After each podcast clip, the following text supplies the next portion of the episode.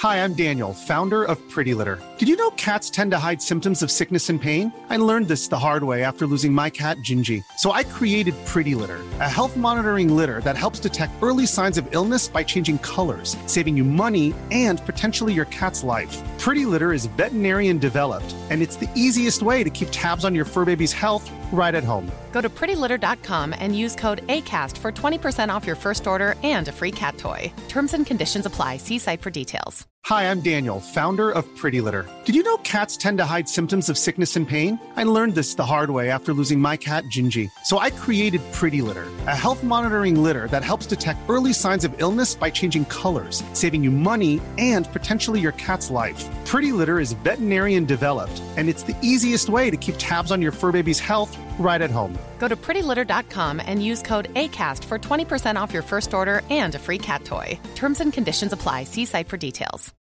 Millions of people have lost weight with personalized plans from Noom, like Evan, who can't stand salads and still lost 50 pounds.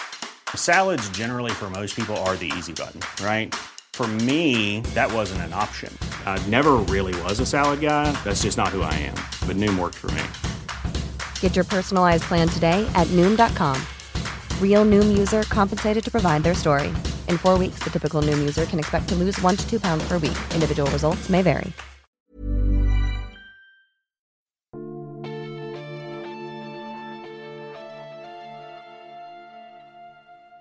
Välkommen till Sagan om Isfolket-podden avsnitt 79. Sol av Isfolket. Jag heter Dan och med mig har jag Anna. Hej Anna! Hej Dan! Det är ju på tiden att en bok heter Sol av Isfolket. Ja. Och vill du veta en eh, väl, kanske bevarad hemlighet? Eh, ja, gärna. Det här är den första boken av Margit Sandemo som jag läste. Ja, det tror jag du har nämnt tidigare. Damn it! Men var, Då var det inte så väl bevarad hemlighet, men nu vet alla andra lyssnare om det i alla fall. varför fortsatte du läsa böckerna? Alltså jag vet inte riktigt. Alltså den här var en sån här bok, jag fick den i en fiskdamm på annandag jul för många, många år sedan av min morfar. Och han hade bara liksom sett, han hade bara plockat upp den och jag tror att den var så här, ja men det är en bok med någon, hon har svart hår, hon ser lite ut som dig Anna, det, det, det är säkert någonting bra. Och så hade så här, men morfar du plockat upp bok nio i en serie. Och jag började läsa, jag hade ingen aning om vem är Sol, vem är Griselda, vem är den här Marco som kilar ut och in, vad innebär de magiska stenarna, vad tusen är ljusets rike, häxmästarfamiljen, vad är detta? Det var jättekonstigt. Men sen fortsatte jag läsa Ljusets rike. Men jag läste ju inte den från början. Jag läste 10, 11, 12, 13, 14 upp till 20. Och sen började läsa 1, 2, 3, 4, 5, 6, 7, 8. Det måste betyda att det egentligen var nattsvarta rosor som fick dig att fastna. Ja, men ändå så här att någonting i den här boken måste ju ändå ha fått mig att vilja ha mer. Eftersom jag ändå traskade till bokhandeln och frågade om de hade serien. Och det här var på den tiden då Ljusets rike fortfarande skrevs. Så den gavs ut, ja, rätt regelbundet. Det kom ut en ny bok var tredje, varannan månad eller vad det nu än var. Ja, jag min, minns den tiden väl. Någonting i den här boken gjorde ju att jag kände wow, Margit Sandemo, coolt. Legendens rike, coolt. Sol av isfolket, coolt. Vad glad du måste ha blivit när du läste Trollbunden sen. Alltså Trollbunden, herregud, jag var så lycklig. Det var ju verkligen som att bara hitta hem. För jag misstänker ju att 100% av våra lyssnare kommer att gå med på följande påstående. Trollbunden är en bättre bok än Sol av Isfolket. Jag vill säga, kära lyssnare, fight us about this. Jag tror ingen kommer att göra det. Nej, tror inte jag heller. Däremot kan jag säga så här Dan, att eh, som jag sa, det var någonting i den här Sol av Isfolket som fick mig att känna wow, det här vill jag läsa vidare. Den känslan fanns inte så mycket nu. Jag är väldigt glad att eh, den här boken hade den effekten, för det var ju så vi träffades. Ja, det var det. Hade inte jag läst den hade jag inte börjat hänga på forum och tyckte att live var en bra idé. Jag måste gå tillbaka längre i tiden nu. Oh, Jag måste gå tillbaks till Östre Tåtens kommun. I samhället Lena. aha. Den eh, 23 april 1924. För då Aha. och där föddes Margit Underdal. Senare mera känd som Margit Sandemo. Det är i år 99 år sedan. Nästa år blir det 100. Ja, och den 23 april 2024 är det 100 år sedan Margit föddes. Hon bjöd in oss till hennes 100-årsdag, men sen dog hon. Efter ett väldigt långt och väldigt aktivt liv där hon gjorde mer än vad de flesta människor gör under ett liv. Och det här tänker vi fira. Vi tänker fira Margits 100-årsdag med att samla våra sponsorer på Patreon, våra mest hardcore-fans till den här podden, i en lokal i Stockholm. Det är en dag mitt i veckan. Det är en tisdag, Japp. men det är också då en väldigt stor högtidsdag. Så de av er som sponsrar oss på Patreon är välkomna att skåla för Margit på hennes 100-årsdag. Detaljer om hur det här kommer att gå till kommer att komma ut på Patreon. Ni anmäler er på Patreon. Och eh, detaljerna kommer att komma ut senast den 10 mars. Men förmodligen långt tidigare. Så kära Patreons, ni som har suttit under så många år, håll ett extra öga nu på allting och följ med på vad som händer, för det här vill ni inte missa. Och framförallt, både jag och Dan ser jättemycket fram emot att få umgås med er, skåla för Margit och bara ha en sån här riktigt härligt firande som Margit själv hade velat ha den här dagen. Och kära lyssnare, min hemliga plan är att utrusta Anna med en Zoom Va? så att hon kan samla in era historier Va? om hur ni träffade på Margit Sandhås böcker. Men berätta inte det här för Anna. Vänta nu, Dan, vad? Ja, Ah, nej, inte Jag sa nu inget. igen. Min plan är att se till att Dan på något sätt går med på att han ska sjunga några av de fantastiska isfolksångerna vi har på forumet. Teresa måste komma dit och sjunga Summer of 61. Så det är, det är lite vad ni kan se fram emot här. Alltså, har ni inte hört henne sjunga Summer of 61 på, Åh, den är fantastisk. på YouTube så måste ni lyssna på det. Ja, Påminn mig, ska länka det i avsnittstexten för att hon gjorde en otrolig insats. Det är alltså Lynx som sjunger då om sin sista tid i eh, sin vandöda tillvaro. alltså det är... Det är kanske, vi har, vi har pikat i skapande av isfolks eh, sånger med den låten. Ja, och eh, den handlar även om Marcos italienska skor. Åh gud, ja. Det var mycket där som hände den där sommaren. Ja, och det var ju egentligen sommaren 1960 men det passade inte in i versmåttet. Nej, det gjorde det inte. Men vi vet alla, den bästa sommaren. Summer of 60. Jag har en annan sak jag måste nämna innan vi börjar prata om Sol av Isfolket. Jag kör på. Det här tror jag att ni som lyssnar på Isfolket kan vara intresserade av. Jag har sedan 2016 haft en lång lista på poddar jag vill göra. Och en podd jag vill göra är när jag går omkring och granskar övernaturliga fenomen tillsammans med en person som tror på det paranormala. Så att jag och sångaren och artisten Maja Hjelm har gjort en ny podd där just detta händer.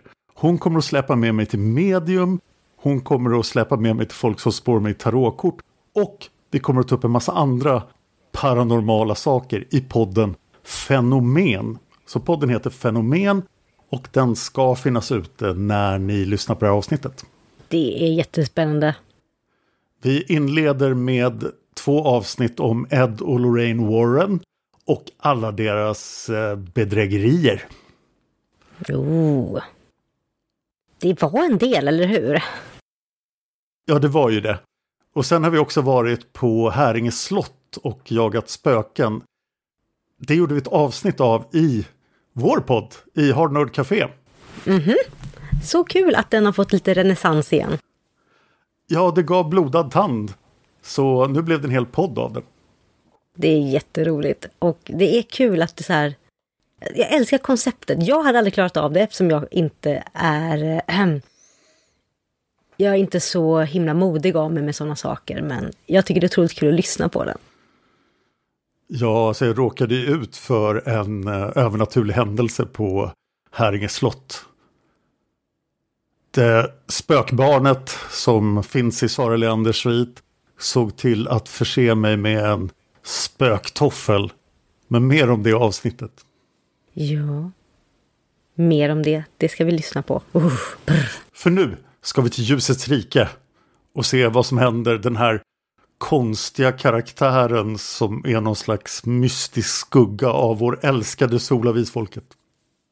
Ja, och jag tror att de flesta av våra lyssnare kan ju helt i enighet säga att Sol av isfolket i ljusets rike är väldigt, väldigt långt ifrån den sol av isfolket vi träffade i avgrunden. Den sol av isfolket som hade det här mörkret, svärtan, men ändå brinnande passionen på livet och den här uppslukande kärleken till sin familj som gjorde att hon var en otroligt komplex karaktär med djup, men med den här också melankolin som skar hjärtat på oss. Det som skär mitt hjärta nu, Dan, det är alla clownfasonerna som far runt här och hennes förkärlek för buskis. För att försvara den här boken lite grann så tycker jag att Sol i den här boken var mindre av en clown än vad hon har varit tidigare i Ljusets rike. Ja, men det får jag hålla med om. Man ser lite mer av hennes svärta och hennes kluvenhet till, till de livsval hon har gjort och hennes längtan efter att få bli människa som då i avgrunden i Isfolksboken kan vara också hennes längtan efter att faktiskt kunna älska någon på riktigt. Det är det som kommer in. Hennes Sols eviga längtan efter att vara som kanske vi alla vill vara. Den lyser mycket starkare här än vad de gjorde i de andra böckerna. Kanske var därför jag fastnade för den som tonåring. Ja, då kör vi igång. Ja, då kör vi igång. Och eh, Sol av superbra. Det förbereds inför expeditionen ut till mörkret. Alla ska ut. Nu ska det jagas ut ur de svarta bergen. Men vi måste ju hitta Griselda först, för den här häxan är ju kvar. Och det är det som är Sols stora huvudbry i den här boken. Och det som hela Ljusets rike är ute efter, de måste hitta häxan. De måste hitta hennes själ som hon har gömt någonstans i Ljusets rike. Hitta själen! Död eller levande! Men det jag inte kan förstå här Dan, för kommer du ihåg i boken flickan som inte kunde säga nej när de hade någon slags seans med att de så här försökte frammana en bild av var den här lilla flickan var någonstans? Ja. Varför är det ingen som bara så här, alltså igen så tycker jag att Ljusets rikes människorna är så himla korkade. Jag tror mest att de har förmågor som försvinner i nästa bok. Mm, det är sant. Men Griseldas själ, den måste hittas. Dolg har en livskris. Hans stenar är alldeles fanatiskt dåliga. Ja, och det kan man gissa direkt att det kommer lösa sig ganska fort. Ja, men det kommer lösa sig jättefort. Det här känns som en typisk så här, vad ska vi fylla i plotten med för att få folk att fatta att Dolg är en vettig person? Ja, men han får sitta och gråta sina stenar som plötsligt är jättesvarta och jag förstår inte den här grejen. För att de var ju i närheten av alla former av saker på jorden och nu så är det plötsligt så här, åh nej, ondska deluxe, de blir jättesvarta. Och jag bara så här, men hur? Ett, kanske ett sätt att få in Teresa i historien igen. Mm. Men jag skulle vilja säga en sak om sammandraget innan historien börjar. Mm. Där får vi ju återigen bekräftat att eh, främlingarna tänker alltså ta bort alla onda och fientliga tankar ur människohjärnan. Ja, vad är detta? Jag har funderat mycket över det som sades i förra avsnittet. Att främlingarna, vi är ju väldigt misstänksamma mot främlingarna, men att det kanske var Margits poäng i Ljusets rike. Ja, Att hon inte trodde att främlingarna var helt igenom goda och underbara nej men jag funderar på det också. Vi har ju varit väldigt hårda mot liksom att vad är det för samhälle Margit har byggt här. Men jag tyckte mig i den här boken ana lite grann att Margit började ge ut lite kängor för att kanske att hon insåg själv att nej men gud, hon har, vi går ju på det här att främlingarna är genomgoda och snälla. När hon har kanske försökt bygga upp dem som någon slags inte alls så himla schyssta varelser. Nej, så nu, nu börjar jag misstänka att det var Margits plan hela tiden. Att främlingarna är skurkarna i Ljusets rike. Okej, Ja. då tar vi oss till Andebyn. Nej, jag vill inte. Måste vi det? Okej. Ja, det finns en smurfby där det bor andar. Ja, tack, det var du som sa det och inte jag. Ja, alla husen är i och för sig olika så det är en dålig liknelse. Men det finns en taverna där andarna hänger. Och när de behövs så har de utskjutningsrör i taket. Hur då? För vet jag att annars de bara så här, jag ska vara här och poff så åker de dit. Inte för att de ska så här, launch me, beam me up Scotty. Utan vad är... Vad är det som händer? Jag tror att Margit här var så här, men det här ju coolt, det sätter jag i min andeby så det verkar lite sci-fi och coolt. Och man bara, Margit nej. Margit nej. Nej. Jag vill ju se en scen när de stoppar in djuret i hans utskjutningsrör. Åh nej, inte djuret. Åh. Ah, nu blir det åka av djuret. Ah! Bara, och ni bara, men djuret kan väl inte flyga? Nej, nej men det, han är ande, han klarar sig. Uppenbarligen inte eftersom han blev skjuten full med pilar i förra boken så att... Eh, ha det kul djuret. Vi får också veta att andarna leker lekar och spelar spel i sin andeby. Jag får känslan av att Margit vill att bygga upp en liten idyll här och visa, för titta vad fint de har det. Men det känns mest bara buskis, som att det är någon slags liten teampark med andar där de bor och alla har trevligt. Och också det att det är det här Sol vill bli av med, för hon vill så gärna känna människolivet och då älska och bli älskad av någon, vilket man uppenbarligen inte kan göra när man är ande. Nej, då kan man bara spela spel, leka lekar och bli utskjuten i rören. Och dricka på tavernan uppenbarligen. Vad är det de dricker? Det, det vore intressant att veta. Jag vet inte, går det rakt igenom? Nej, jag vill inte tänka på det då. Åh, vad jobbigt. Åh. Men hur som helst, Sol i andebyn, Tengel den gode är bara så här, nu får du skärpa dig, gå ut och typ döda lite häxor, allting kommer bli så bra. Och det är någon slags den här, den här konstiga hierarkin att bara så här, åh, vi hade ju kunnat hjälpa till och sådär och, och men, åh, gud.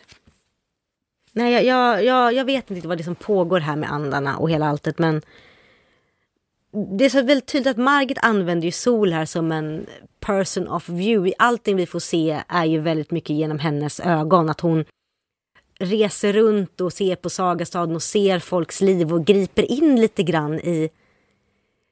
Ja, men hon är lite grann som the fairy godmother, fast inte riktigt. Här Hon griper in i folks liv lite som hon tänker för, samtidigt som hon ska hitta Griseldas påse. Ja, hon har mycket för sig i den här boken. Mm. Och mitt i allt detta så tycker ju då Taran, som var en av mina kanske lite hatfavoritobjekt i Häxmästaren, men som jag fortfarande är lite kränkt över inte fick mer spelrum, varken hon tidigare eller Marietta. Men Taran beslutet för att bjuda in alla de unga kvinnorna i då kamratgruppen för att snacka sex. Nu vill jag ju fråga då i egenskap av man. Är det så här tjejer gör? Har ni gruppterapimöten där den äldsta och visaste börjar med att säga Hur är det egentligen ni rör till det för er flickor? Vad är det ni gör med er ungdom denna underbara tid? Alltså du har ju avslöjat hela, vad hela kvinnligheten håller på med. Det är så här det går till. Punkt och pricka. De har bara snott protokollet rakt av. Så Margit har golat ner alla kvinnor nu? Jajamän.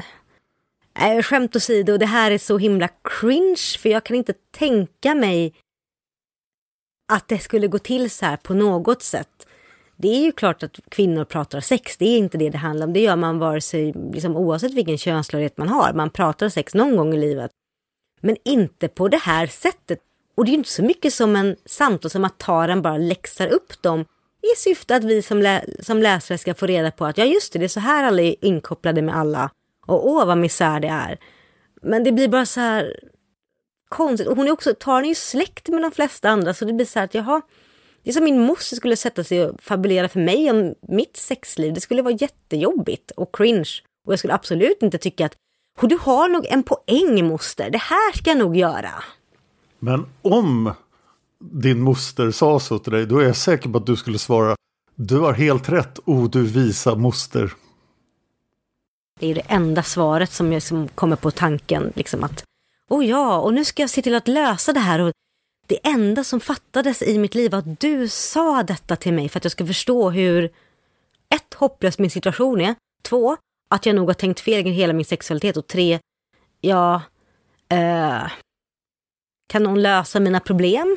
Det är så meningslöst på något sätt det här. Jag, så här, jag förstår inte grejen. Och sen sitter alla tjejer tillsammans och gör en fälttågsplan. Mm. jag vet inte riktigt. Jag, jag har lite svårt för det, men jag förstår ju syftet här. Att Margit vill verkligen liksom så här cementera, det finns fin sammanhållning, det finns fin gemenskap över generationsgränserna och också kanske trycka på någonting som då, kanske när den här boken skrevs, som var i eh, 99, kanske faktiskt var en sån här grej att ja, men vi måste faktiskt prata om sex. Så vem vet, det kanske var bra på den tiden och på, liksom, på det, men när jag läser om det nu och också lite äldre än mitt tonårsjag var när jag läste den första gången så känns det väldigt cringe. Då tycker jag det är lite roligare när vi hoppar till den missanpassade stad en stund. Men sen blir det väldigt mycket, eh, hur ska vi säga det här på ett fint sätt? Lite, ehm, lite stereotypiskt skildrande av eh, man med utomnordisk bakgrund. Jag är inte förvånad att Ali är sur. När främlingarna har skickat honom till ett ställe där han faktiskt åldras. Han vill ju vara där. Vill han verkligen det? Främlingarna säger ju åt folk att bo i den där stan. Ja, det är sant. Men han är ju sur på allt. Liksom. Han är sur på att alla, det går bra för alla. Det är, han är sur på, att, på sitt jobb, på sitt liv, på allting. Det är sån här typisk standard missnöjd person 1A som ska driva plotten framåt. Men jag gillar det lite grann, för att hade inte Ali funnits så hade vi inte kunnat komma till punkten där, eh, där faktiskt Griselda kommer tillbaka. Ja, det var faktiskt ett ganska smart ställe att gömma själen. Ja, det var det.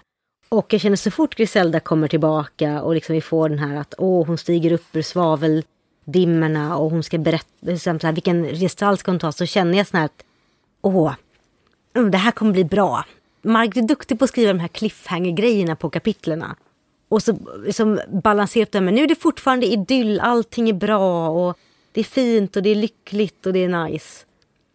Och vi får lite Siska och Si och Chick också, det är väl fint? Någonstans. Ja, det är fint. Och mata hjortar jättegulligt. Mm. Men jag har frågor om de missanpassade stad igen. Åh nej. Och det här har vi tagit upp tidigare, men det finns alltså pengar i de missanpassade stad. Bara i de missanpassade stad? Vem utfärdar de här pengarna? Hur regleras de här pengarna? Finns det ett myntverk? Och om det är så att det bara finns en missanpassade stad, det går ju fortfarande skyttlar mellan de andra städerna. Man kan ju mycket väl åka in till huvudstaden och handla. Växlar man då sina missanpassade stadpengar mot någonting annat som gäller i övriga riket som man sedan växlar tillbaka när man kommer till den missanpassade? Hur funkar det där? Det här är liksom ett helt autonomt eget land i ljusets rike som främlingarna bara skiter i. Men det verkar ju som att det inte finns pengar i resten av ljusets rike. Nej, det, det vet vi att det inte finns. Utan då, då är bara alla snälla och ger folk vad de behöver och ingen vill ha mer än vad de behöver eller något. Alltså det är ett väldigt konstigt system men you go you Margit, du byggde den här. Du byggde den men jag hade mer sett att det hade varit mer realistiskt om det inte funnits pengar i den missanpassade stad. Och nu tänker jag hålla ögonen på det här för nu får vi reda på att 2000 är en lottovinst. Inte en jättestor lottovinst men det är 2000 missanpassade pengar för en lottovinst. Vi får se om vi får några fler uppgifter om vad det är för valuta och eh, hur mycket den är värd. Så jag är fortfarande så himla förvirrad över hur det här funkar. Det är väl kanske just det att det inte funkar så bra. Nej.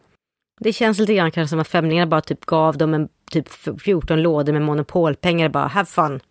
Lek med de här pengarna och folk bara ja, pengar. Främlingarna bara, ja, det kommer in lite monopol då och då. Jag kan bara fortsätta ge dem pengarna. Det skulle inte förvåna mig om det var så det blir. Vi säger att det är så, Dan. Det är monopolpengar de har. Nu har vi bestämt det. Ja, så är det. Mhm. Och från den här missanpassade stad och till idyllen så ska vi till Teresa och Erling. Och det såg jag inte komma, ska jag vara ärlig. Nej, och eh, det är ju ganska mycket dålig kommunikation i deras förhållande. Ja, och jag förstår inte det här, för jag hade kunnat tänka mig... Jag menar, här har vi alltså ett par som varit tillsammans i århundraden. Som också har gått igenom att vi har kommunicerat, vi har gjort det här, de har adopterat två barn, de har blivit tillsammans på sin åldershöst och plötsligt så blir Erling, har Erling blivit hankatt, ska springa efter Lenore. Av alla himla varelser han ska springa efter. Och Teresa som vanligtvis är så himla bra på att ta upp saker tänker inte på att hon kanske bara ska ta upp det här och Erling tänker inte på någonting heller. Jag, såg in, jag tror inte det här var problemparet vi skulle behöva hantera i ljusets rike. Nej, verkligen. Och eh, Teresas reaktion då, ja, min man tittar på en annan kvinna. Nu tänker jag skriva ett brev och sen åka iväg och dö. Det är lite dramatiskt kanske. Jag kan förstå att hon är ledsen och upprörd men har man försökt att kommunicera om det kanske? Kommunikation är bra i förhållanden. Ja, det är det. Och här känns det verkligen som att det blir den här som säger goodbye cruel world och man bara okej, okay, det har inte hänt någonting. Och förmodligen har inte Erling koll på vad han gör. Ja, det är inte så att vi sitter och skuldbelägger Teresa nu, jag vill bara göra det klart. Det är inte så att allting ligger på Teresa. Jag är beredd, jag är beredd att skuldbelägga bägge två. Ja, båda två är lika dåliga på det här. Båda två hade behövt lära sig att kommunicera och framförallt, vi vet att båda två kan kommunicera. De är bara inte sig själva i ljusets rike. Som typ alla vi har lärt känna hittills. Jag har en gnagande misstanke att hela den här plotten är bara till för att visa vad som händer i världen utanför. Ja, jag tror det också. Men jag hade nog hellre sett typ att det var... Jag hade väl hellre sett att Taran kände ett behov att åka ut igen bara för att. Det blir så himla konstigt med en hel otrohetsplott på allting. Det är liksom... It doesn't really make any sense. Nej, och istället för att sätta alla ljusets rike på jaga Griselda så ska det ske någon slags turistande i den vanliga världen. Som tydligen är jättesällsynt, men nu händer det. Mm. Och det är så här, vi har liksom Griselda springer loss, turisten i vanliga världen. Just det, de hinner, de hinner fixa de heliga stenarna också, och allting är bra. Men det är så himla med. Jag, ser fakt jag tycker mycket bättre om de styckena när Griselda är med. Man får liksom få, få ta del av hennes tankar, hennes bakgrundshistoria som är rätt intressant. Alltså hon, i den här boken blir hon en intressant person, Dan. Hej, jag Ryan Reynolds. At Mint Mobile, we like to do the opposite of what Big Wireless does. They charge you a lot, we charge you a little. So naturally, when they announced they'd be raising their prices due to inflation, we decided to deflate our prices due to not hating you. That's right. We're cutting the price of Mint Unlimited from $30 a month to just $15 a month. Give it a try at mintmobile.com slash switch. $45 upfront for three months plus taxes and fees. Promote for new customers for limited time. Unlimited more than 40 gigabytes per month. Slows. Full terms at mintmobile.com.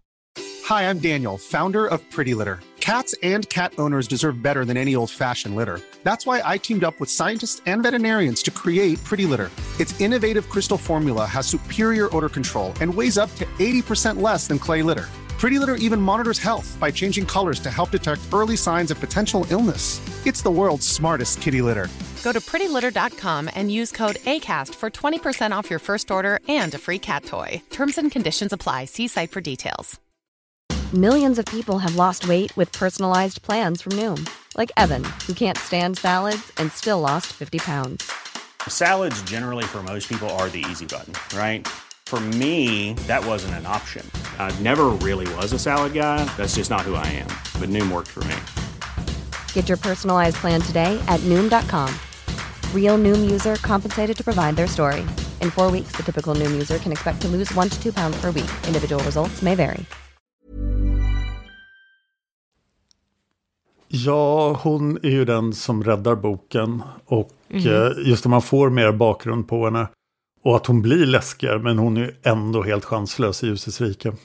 Hon är jättechanslös. Jag hade väl sett mer så här att okej, men kunde de inte låtit de heliga stenarna varit liksom lite mer polluted istället för att det löser sig på typ sidan tre? Så hade vi kanske känt att det kanske fanns skuggan av att det hade varit lite mer utjämnade odds. Men nej. Det känns också som att Margit här plockar upp tråden från förra boken, det här som jag klagade på att det är så himla många perspektiv.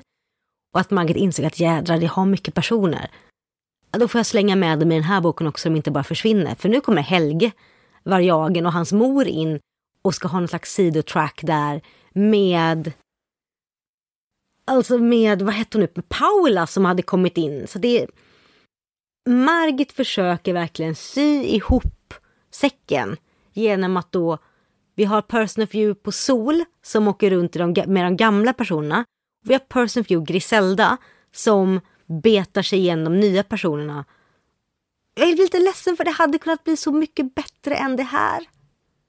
Ja, men Helge är i alla fall samma person som han var tidigare eftersom han dök upp i Ljusets rike, mm. böckerna. Det är fint. På något sätt, men det är... Ja. Det, det är en fin, en fin passus här som faktiskt jag insåg att jag gillade mycket med den här boken. Det är att det är Ram och Indra som alltid. De är mitt lysande hopp i den här världen. Där jag för, försmäktar lite grann varenda gång vi dyker ner i de här böckerna. Ser du hur fin deras relation är, hur mycket de bryr sig om varandra. Och det gillar jag. Verkligen. Det är en klar ljuspunkt. Mm.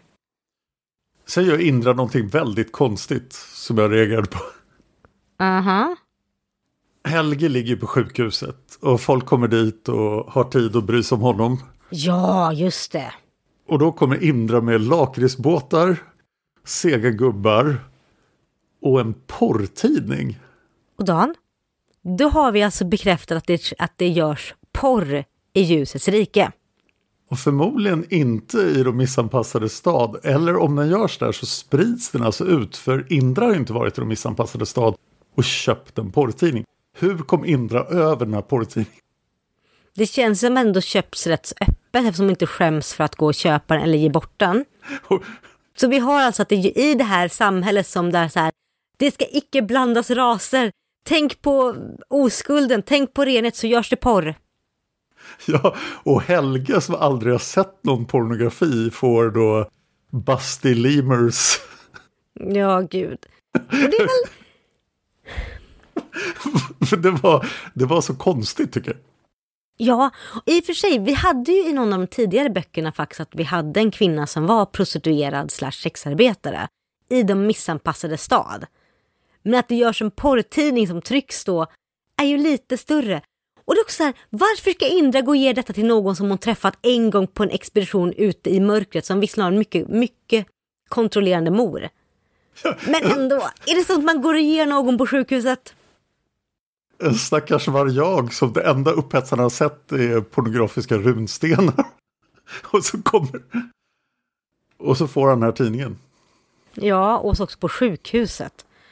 Ja, det är verkligen jättekonstigt. Ja. Och med det sagt så blir jag så här lite det var väl bra Indra, jag förstår vad du är ute efter men alltså det är nästan lite skönt att gå tillbaka till att Griselda nu börjar typ ha ihjäl människor igen och typ väsa ut ande, äh, spy galla och...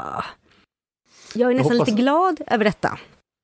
Jag hoppas verkligen det finns en AI som kan generera den här porren så att det inte finns porrinspelningar i Sagastan. Dan, vi vet ju att det finns porrinspelningar i Sagastan. Det är, bara, det är inte en fråga om om, det är en fråga om hur stor industrin är. Ja, det måste kunna bli rätt spännande porr också med alla underliga varelser som finns i ljusets rike.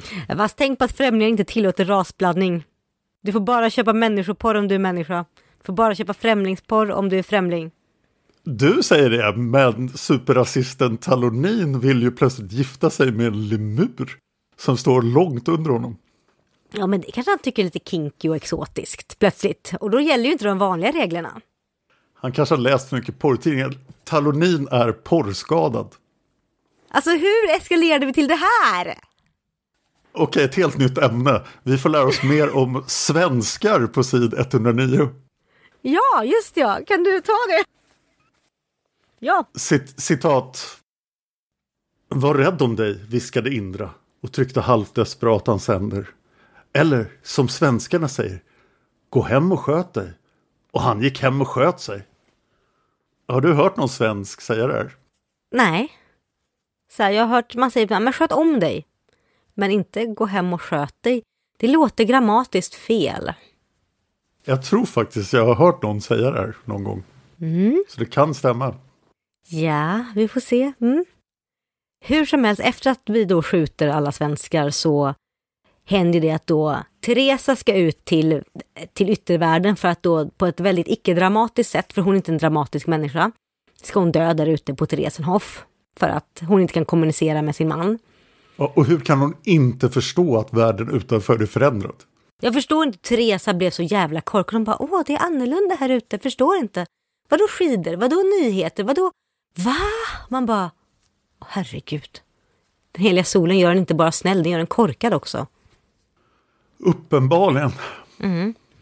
Men det är ju lite så här, det är lite fint så här, för att hon, de, det som är fint är att hon ska ta med en Berengaria ut, Armas åker med ut och Heinrich Rusch von Gera. Och här vill jag också då dyka in lite grann i att så här, vi var ju inne på det förra boken där Dolgo och Marco blev ju inte tillsammans. Det var tydligt att de inte var homosexuella. Och så är det så här tydligt att förhållandet till revisorn i missanpassade stan för Heinrich Rusch har tagit slut för att kärleken hade fattats. Och där har vi tydligen, där liksom dog allting om homosexuellas plott ever känns som. Det var så här, det fanns en person, de hittade varandra, nu funkar det inte och då gör de inte längre. De sista homosexuella gjorde slut med varandra, vilken miss. Ja, och bara så här... Äh, det är så synd. Och det, är därför han vill ut till världen, för han vill hitta någon att älska, vilket jag helt och hållet förstår. Och sen blir chocken att det är ju inte Heinrich Rusch fungera, Dan. Det är Griselda. Jag blev faktiskt jätteöverraskad. Det här var snyggt uppbyggt. Jag med faktiskt. Jag, jag kanske lät lite väl raljant, men jag blev faktiskt chockad när det hände. Och jag hade glömt hur otroligt obehaglig den scenen var. Ja, den var riktigt bra. Mm. Och de här ledtrådarna till att det var Heinrich Royce fungera var bra. Ja, snyggt jobbat av Margit också dra in det för att knyta ihop det med Teresa. Och med det så blev det lite mer klart varför det skulle vara Teresa som vi fick se allting igenom. Så bra gjort Margit. Det hänger inte helt ihop med allting men gör en så här bra, bra plottuppbyggnad. Och sen eftersom boken heter Sol och isfolket så ska Sol lösa alla problem i ljusets rike och det är ingen annan som löser någonting. Nej. Så då måste hon alltså se till att Erling förstår att Lenore är ingenting att ha. Mm. Och det gör hon genom att få Lenore att avsluta sina tankar på det så alla hör. Men tydligen så vet Ram om detta och tar in henne på, ja, Ja, det känns som att Ram tycker att det är lite roligt. Alltså Ram verkar ha the time of his life. Han tycker det här är perfekt. För med det här kommer ju han fri. Lenore åker ut ur ljusets rike på någonting som verkar väldigt läskigt som är inte riktigt utrensning men hon får ju inte vara kvar i alla fall. Nej, och jag tror ju, det var den scenen faktiskt som övertygade mig om att Margit vill antyda att främlingarna är onda. Mm. För den, den scenen var ju rätt eh, läskig. Att Tallonin, Den scenen var jätteläskig. Nu ska jag göra något konstigt med henne. Nyss ville jag gifta mig med henne, men det vill jag inte längre. Ja, och, och Sol bara, vad kommer att ske med henne? Och Tallonin säger, hon blir inte förintad. Kom inte till någon missanpassade stad eller mörkret. Mer bör du inte fråga om. Låt oss ta hand om det här. Lite Stora svalget-vibbar här. Och just som, som Margit skriver efteråt, det fanns ingenting som ljusrikets invånare fruktade mera än dessa ord från främlingarna. Låt oss ta hand om det här. Margit har ju här verkligen bara så här, fuck it, om ni inte förstår att främlingarna är onda så är det här liksom den lysande stora skylten jag håller upp att främlingarna är onda. Och det gör mig glad. Ja, jag är glad att vi... Jag är glad att vi hade... Att, jag är glad att vi hade fel om att Margit skrev en utopi med främlingar som perfekta. Och jag vill säga förlåt Margit för att vi trodde så om dig. förlåt. Sen vill jag ju påpeka i avdelningen folk får underliga krafter. Mm -hmm. Så på sid 122 kan Sol kontrollera både en lemur och en människa. Och dessutom göra det så att Talonin inte upptäcker det. Vilket är väldigt avancerat och det borde inte vara så även fast hon var en ande. För det som det som jag utgick från när folk blir andar, det är att de, så här, de kan komma och gå som de vill, de är odödliga, bla bla bla bla, men de får ju inte superkrafter. Det har inte jag tolkat andeväsendet som att de, det är inte som att plötsligt så kan de göra vad som helst. Fast det har vi i och för sig sett i ganska många böcker nu, att andarna får nya krafter när de behöver dem. Ja, När- men... När plotten så kräver. Ja, men det är inte så jag vill att det ska vara. Räknas det? Ja, ja det räknas. Ja, bra. Nej, men Sol kan uppenbarligen kontrollera allting och hon är bättre än alla andra. Och eftersom Sol då måste reda ut saker så är det ju hon den som ska, måste åka ut med Ram när det är så att Teresa och kompani blir fast i yttervärlden. För Teresa bara, åh nej, är det nutid här ute? Va? Är inte Therese Nuff kvar? Va?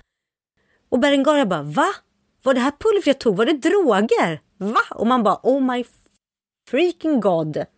Läser ni inte handboken, typ ta inte emot saker från främmande människor. Men just i det skenet har ju Sol inte krafter som hon sen har. Nej, För Sol är en ande så hon kunde ju bege sig till Österrike omedelbart känns det som. Men andarna Ja. kan inte komma ut i ljusets rike om de inte åker med borrmaskinen eller? jag förstår inte det heller. Är det liksom någon slags metall, an, liksom ektoplasma andeavvisande fält runt ljusets rike eller runt hela jordskorpan som gör att de inte kan göra någonting? Jag förstår inte det här, att, de, att andarna är bundna av liksom mänskliga, lemuriska, främliska transportmedel för att ta sig någonstans. Det är helt, helt ologiskt. Men en bra sak i den här boken tycker jag är den här kraften som Griselda svär sig själv till. Oh När ja, vi får hennes backstory. den är jättebra, den är jättestämningsfull. Oj, vad jag rös. Ja, ve- vem, vem 17 är det här? Jag vet inte riktigt. Det är, liksom, det är så lätt att tänka att ja, men det är ju djävulen eller Satan, men det, det, det här verkar vara något annat. Någonting helt annat. Och vi vet ju att djävulen gick åt i slutstriden i uh, Sagan om Isfolket. Japp. Och det här verkar vara något helt annat. Och jag gillar det. Ja, och den här onda makten verkar ju kunna påverka saker i ljusets rike. Mhm. I slutet. Ja. Så det väcker ju en hel del frågor som ingen i ljusets rike verkar ställa sig. Och en som sa, jag, jag uppskattar ändå att det lämnas öppet. För det var så himla lätt för Margit att bara, "Ja, men Marco vet för Marco har friends on the other side så att säga. Men att det bara får vara öppet, vi vet inte. Man får gissa, det kan ha varit Satan, som säkert många, som jag trodde när jag var yngre. Det kan ha varit någon helt annan makt. Kan det ha varit natur? Kan det ha varit att hon bara hallucinerade och allting bara kom sig av konstiga saker som alla bara hallucinerade? Vi vet inte. Och jag tycker om det, att vi inte får allting serverat. För det är så mycket i de här böckerna i Ljusets rike där vi får allting på ett fat. Och jag är trött på det. Jag gillade det här också riktigt mycket.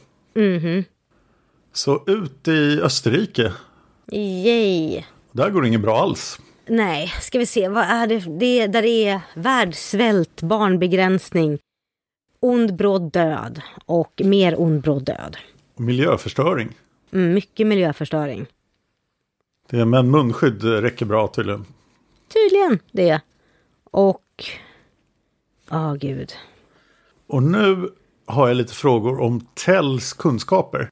Han är ju en väktare och han verkar ju åka ut i den vanliga världen ibland. Och han har det här kartrummet där man kan lära sig saker om den yttre världen. Ja, jag anar vart du går med detta. Mm, men det är ju ändå så att tiden i världen utanför går mycket snabbare. Så han måste ju ägna en ganska stor del av sin tid åt att plugga vad som händer ute i världen. Oh ja, och det kan vara så här, ja vad hände förra veckan? Ja, det var det här. Nej, tyvärr, det var två veckor sedan, så tyvärr, du är failat på provet. Och en stund har han använt till att lära sig vad en snowboard är. Det är lite intressant. Ja, och ändå så kan han inte varna för de här basiska grejerna eller bara... Nej. Nej. Och man noterar ju också att eh, det hade varit mycket bättre om de hade haft tillgång till eh, World Wide Web än det där kartrummet. Men det verkar inte vara någonting främlingarna sysslar med, för då kanske folk kan få in andra perspektiv, Dan. Ja, men Tell är en lemur, eller? Tell är en lemur, ja, precis som Ram. Ja. Mm, men han är ju uppenbarligen också hjärntvättad av främlingarna. Så kartrum it is. Ja, har vi något mer att säga om Österrike-incidenterna? Eller? Nej, vi kan bara lämna Österrike och åka hem. Och då är det ju Sol igen som då är den enda som inte sätter i karantän för hon är en ande så ingenting fastnar på henne.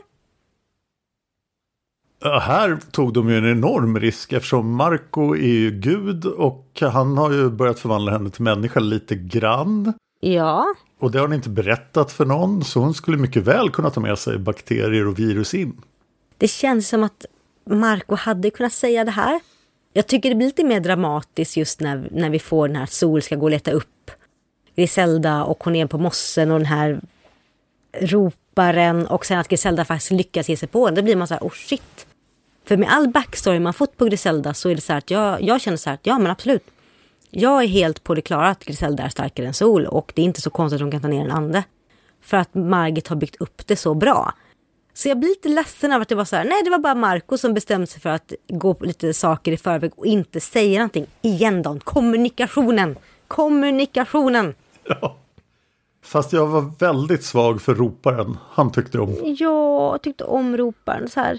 Men också att han har stått där jättelänge och folk bara, ska vi ta hand om honom? Nej, nej, han får stå där. Det är lite kul. Ja, de är så rädda att ljusets rike ska bli överbefolkat om de tog in för mycket folk. Men de kan ge en hel mosse till roparen. Ja, för att ingen orkar riktigt ta hand om det. Man bara, ursäkta, hur? Äh. Det känns som att han behöver väldigt mycket utrymme för att inte störa folk med alla sina skrik. Ja, och att... Nej, jag förstår mig inte på det här. Det är väldigt mycket så här, anything goes på vad främlingarna gör. Men det är inte bara andar och främlingar som har nya krafter utan även farangilen. Ja, vad är det med farangilen? Nu vet farangilen saker och kan ge folk syner. Det har den väl aldrig kunnat innan? Nej. Farangilen är ju en förstörande kraft. Ja, men det kanske är för att vi ska se att farangilen har andra sidor också. Åh, farangilen. Ja, den är bara missförstådd. Ja. Jag, jag, jag får säga att ett stycke jag skrattat åt i boken, det är nu när Griselda är på här till väg tillbaka och sig för att hon ska förföra Marco. Då skrattar jag lite grann för det är så himla så här. Det är så himla, det är så himla så här buskis över det på ett sätt som är så här att ja, Marco sitter, han vet mycket väl om det här. Och då att de försöker lura henne till att ta sig det här stället för att de, de, det här är en del av en plan och hon faller för det så himla hårt. Och jag tycker det är roligt. Liksom Sol då får följa med på det här. ja. Du verkar inte tycka det är lika roligt Dan? Nej, för man vet ju att hon inte har någon chans. Och det gör det hela så tråkigt. Nej men det, det har hon ju absolut inte. Hon är ju liksom körd. Så fort de hittar, så fort de har henne ute vid den här ödestugan, de hittar påsen nere i julgransgrejerna så det är liksom, det finns ingenting mer att göra. Det är liksom så himla kört. Det var kul så länge det varade, Griselda. Mm. Du skulle ha hållit dig borta från ljusets rike. Ja. Men det finns verkligen ingenting som... Det finns ingenting som vi kan göra åt det här. Och sen chockar Marco mig Jaha, på sid 217. okej. När han säger Jag visste inte att andar fungerade på det sättet. Eh, okej. Han, han är ju Marco som brukar veta allting och ha koll på allt. Han har hängt med andra Ja. jättelänge. Men det här vet han inte. Det är lite uppfriskande. Det finns saker han inte känner till. På något Ja, sätt. ja, ja, ännu en ologisk sak. Eh, ja. Vi får också den fantastiska informationen att Dolg är en mästare på att smyga. När blev han det? Han kanske gått på yoga? Lär man sig smyga på yoga? Jag vet inte, jag har aldrig varit på yoga. Jag tänker bara att man måste vara väldigt tyst där, så det är kanske då man lär sig smyga. Ja, han har ju inte, han har ju hållit sig undan folk ganska mycket. Det kanske var då han lärde sig det. Mm, sant. Han, kanske, han smyger undan Fivrelde som följer efter honom. Ja, Just det, föräldrar har ingen aning om var han är någonstans. Han är som mästare på att smyga. Jag bara, vad är du? Ja, det var ju lite fascinerande när hon blev utestängd också. Ja. Stackars lilla Elvan. Nej, vi tycker inte synd om henne. Hon är bara jobbig. Oj, oj, oj. Sen är det de här konstiga orden som folk slänger ur sig ibland. I samband med att Sol skickar bad boys, bad boys till Griselda Ja, just det. Ja, åh gud. så säger hon du megara. Vet du vad det betyder? Ja, det är väl en grekiskt någonting sådär. Ja, det är en av furierna. Precis. Men hur känner Sol till det här? Och Det kanske är det de gör på tavernan i Andebyn, pratar grekisk mytologi. alltså det finns ju sämre saker att snacka om. Så Megara är den avundsamma och fientliga av de tre furierna. Mm. Och eh, Megara är faktiskt ett ord man kan använda om en argsint och grälsjuk, ofta något till åren kommen kvinna. Så där ja. Undrar om någon hade kallat Margit här. Eller varför hon hade fått det här på hjärnan. Hon kanske bara tyckte att det här var ett bra ord som en förut går och väser till folk. Hon bara, mm, din Megara. Hon bara, det ska, det ska få Sol att säga. Och i den här fantastiska slutstriden visar ju Sol att hon kan önska sig till ställen. Men eh, ja, hon önskade sig inte till Österrike. Nej, Och sen, sen har vi den här bedövningspilen som delvis träffar Griselda. Hur fungerar det? Ja. Jag vet inte riktigt. Och så här, om den delvis träffar, då har den ju fortfarande fått i sig någonting och det säger de ju. Så att det är... Varför bedövningspila henne? Varför inte bara typ så här ha någon som smyger, liksom en annan som smyger upp bakom henne och typ så här skjuter henne på close range? Ja, blev hon lite bedövad då? Den ramlade av innan hela dosen kom in i henne, eller? Ja, så här... Det, det är så jag tolkar det. Eller typ de kanske bara rispade skinnet. Det kanske var... Det kanske inte var en dos, det kanske var som en så här giftpil, att om den måste gå in men att den bara så här liksom strök förbi huden så bara pyttelite kom på henne. Ja, och besegrad blev hon ju. Och sen blir party. Jättemycket party. Där Taran slutar vara erotikens förespråkare bland kvinnor och istället släpper allt och blir hemmafru. Ja, och det, det var väl... Det var väl bra, för det är tydligt att hon, hon och Uriel ville ju ha barn mer.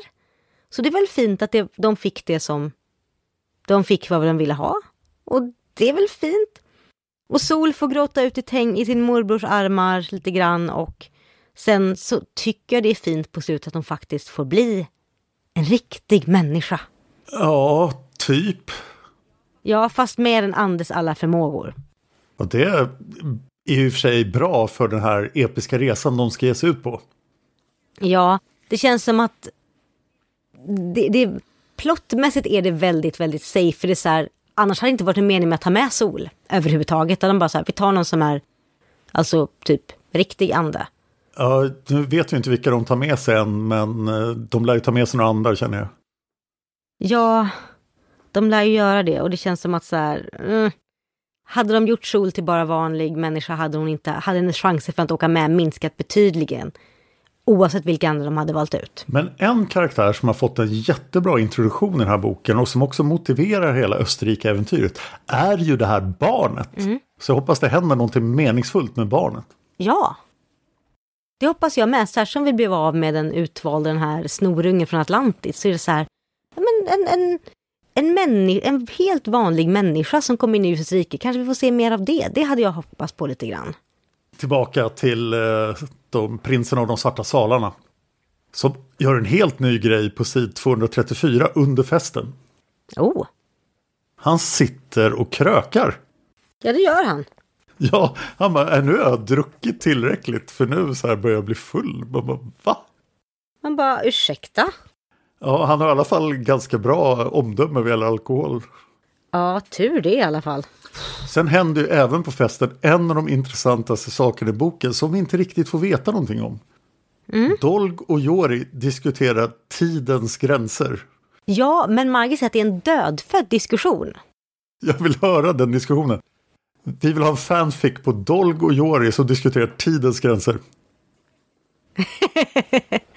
Gud ja, och bara höra Joris som bara, jag har de här idéerna om Dolg bara, alltså nej, eller jo, eller hmm, hur ska jag förklara den här grejen? Det här vill vi se en fanfic om. Dessutom på festen visar det sig att Berengaria är kär. Mm. Och inte i nattöga utan i... Armas. Yay! Alltså just det här när man bara så här, Cirkus Berengaria är igång igen och jag bara, ja, jag kan förstå det, för det är kanske den sämsta personen att förälska sig i hela kamratgänget. Och Sol frågar vem det är. Men finns det någon annan som Berengaria kunde vara kär i? Nej, Jaskar är ju liksom Elenas, Jori känns som han inte är liksom på kartan, Tsunga. Alltså här, det hade ju varit kul ifall, ifall Berengar blivit kär i typ Itzi eller någonting, men Margit har ju väldigt medvetet sagt att, liksom gjort nu att nu blir Berengara kär, den en, en av de få männen i kamratgruppen som inte redan har ett kärleksintresse eller är tagen. Typ den enda. Japp, den enda. Så det var ju praktiskt i denna, i denna monogamins paradis. Yay! Jag är däremot väldigt förtjust i epilogen här. Ja, När de ska benåda roparen. den tycker jag också om. Jag har dock lite frågor. Roparen befinner sig i mossen. Och mossen är bevarad för att den ska vara den ursprungliga prägen. Men hur kan det finnas en mosse i jordens inre innan främlingarna kom dit? För mossen måste ju kräva energi från den heliga solen. Fast det finns ju vegetation även ute i mörkret. Jag tror att det är sådana här mosse som bara funnits, som alltid har funnits, som bara så här uråldrig, ruvande. Och när främlingar kom till satte solen plats så bara fortsatte den att växa, så bara blev den, den bara fortsatte att växa, men den har liksom alltid funnits här, liksom så här lager på lager av generationer och hemligheter. Ja, så måste det vara. Och att eh, hela jordens inre är full av underlig vegetation som på något sätt lever. Oh ja, men det, jag gillar det. Jag tycker det är en finstämd epilog, jag tycker om också. Jag hoppas få se mer av roparen. Ja, och de frågar honom, finns det fler ropare här? Och han bara, nej, men det finns några bergvarar och mossgubbar. Och de vill jag så se mer av. Så jag googlade bergvar. Och det är en platt fisk i familjen piggvarar.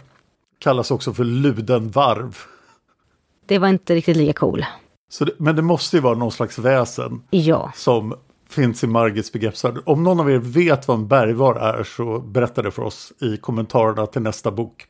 precis. För det här vill vi, vi vill veta mer om detta. Däremot mossgubbar hittade jag. Först tänkte jag, ah, mossmän. Och, och det kan ju inte gärna finnas i ljusets rike. Kan och kan, men det är inte så trevligt att de, om de finns där. Den första träffen på Google på mossgubbe var Bockstensmannen som jag träffade i somras. Ja, boxensmannen ja. Ja, men det var nog inte han. Nej. Men sen var det någon som hade illustrerat en mossgubbe och sa att det var ett väsen som kan uppstå när en person går vilse i skogen och aldrig återvänder. Och det lät ju bra. Ha, ungefär som lyktgubbar. Ja, fast utan lykta. Ha. Intressant. Och sen får vi en samuraj. Vad behövde ljusets rike för att bli ännu mer kaotiskt? En samuraj. Ja, den såg vi inte komma alls. Alltså på riktigt, den såg jag inte komma överhuvudtaget. Nej, det var helt oväntat. Och en samuraj behöver ju ett svärd. Vad ska han få tag i det? Det kan de säkert fixa. Främlingarna, de har väl säkert något liggande i gömmorna, men jag hoppas få se mer av roparen slash samurajen, men jag såg det verkligen inte komma. Och det är väldigt så här... Jag kanske var lite hård mot boken i början. Alltså, den gjorde inte samma intryck på mig som jag var tonåring. Men det är en underhållande bok. Ja, det händer. Det är en väldigt bra äventyrsbok att bara dyka in i och bara så här, shit, det händer massa saker och fiender och Österrike och samurajer och häxor. Den är rätt okej ändå. Jag skulle ju ha velat att du skrev en recension när det här var den enda Margit Sandemo-boken du har läst. Oh, det hade blivit... Det hade varit intressant. Nu har jag ju läst de andra. Jag, skulle, man får gå, jag får gå tillbaka i tiden till mitt tonårsjag och säga bara skriv en recension någonstans. Sen får vi på slutet lära oss att Marco faktiskt är Gud och kan göra vad som helst. När han ger Sol den här dealen. Men vi får också lära oss att Talonin inte är en gud. Och att han inte ens är Hitler som vi har misstänkt. Eftersom han får kicken. Han blir omplacerad. Han får inte leda verksamheten i Sagastaden och den delen av Ljusets rike längre. Utan vi ska få en ny främling. Det är nämligen vår kära vän Cinzia från Nor som har gjort en poll och som säger Vem borde Griselda få mörda i Ljusets rike? Inga spoilers, bara rent spekulativt. Och nu säger han att vi kan ta den. Ja, för nu är Griselda död och kan inte döda någon mer.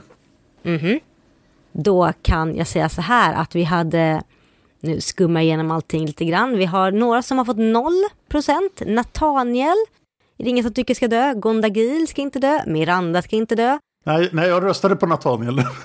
Det gjorde du inte. jo, jag gjorde det innan du sa det. Okej. Jaha. Det var den enda jag röstade fine. på, så han har fått en röst. Okej. Men eh, Thomas ska inte dö, Si ska inte dö, Dolg, Jori, Siska, Berengaria och Indra ska inte dö. Däremot så är det några som har fått, som ska dö då, som har fått någon röst var. Det är Sassa, Oriana, Ram, Tobba, av alla, eh, Nattöga, Mori, Gabriel, Ellen och då Nathaniel. Och sen har vi folk, Sen är det några som har fått ja, sen har vi folk som har fått två röster. Mhm. Och de som har två röster av er blodtörstiga lyssnare är Marco.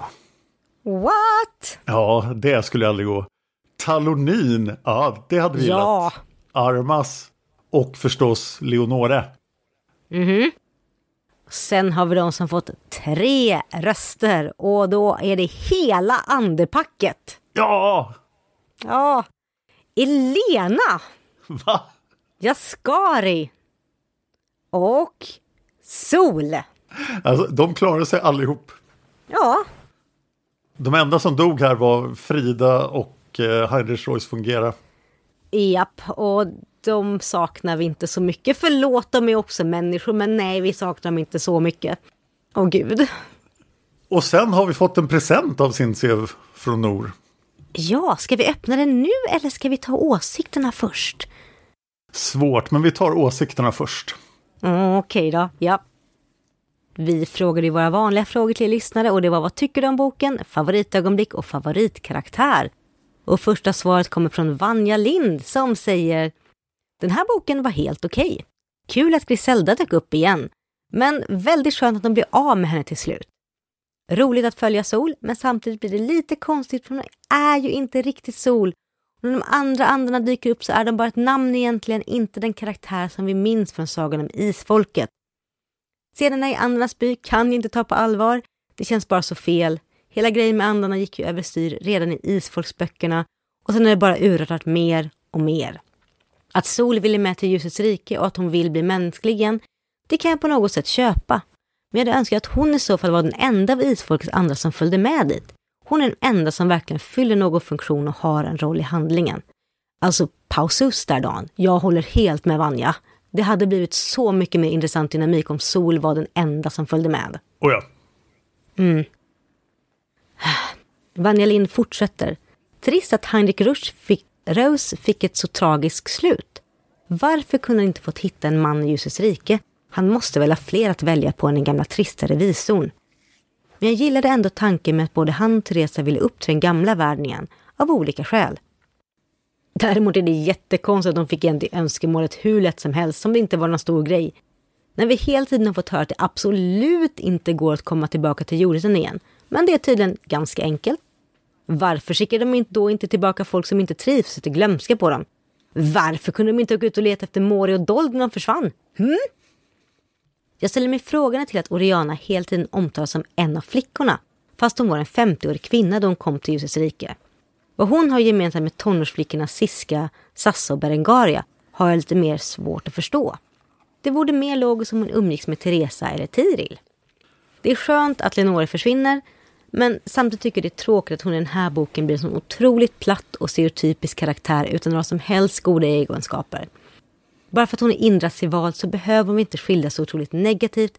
Det blir bara karikatyr av det. Favoritögonblick då? Nå, det är när de är uppe på jorden och räddar det övergivna barnet.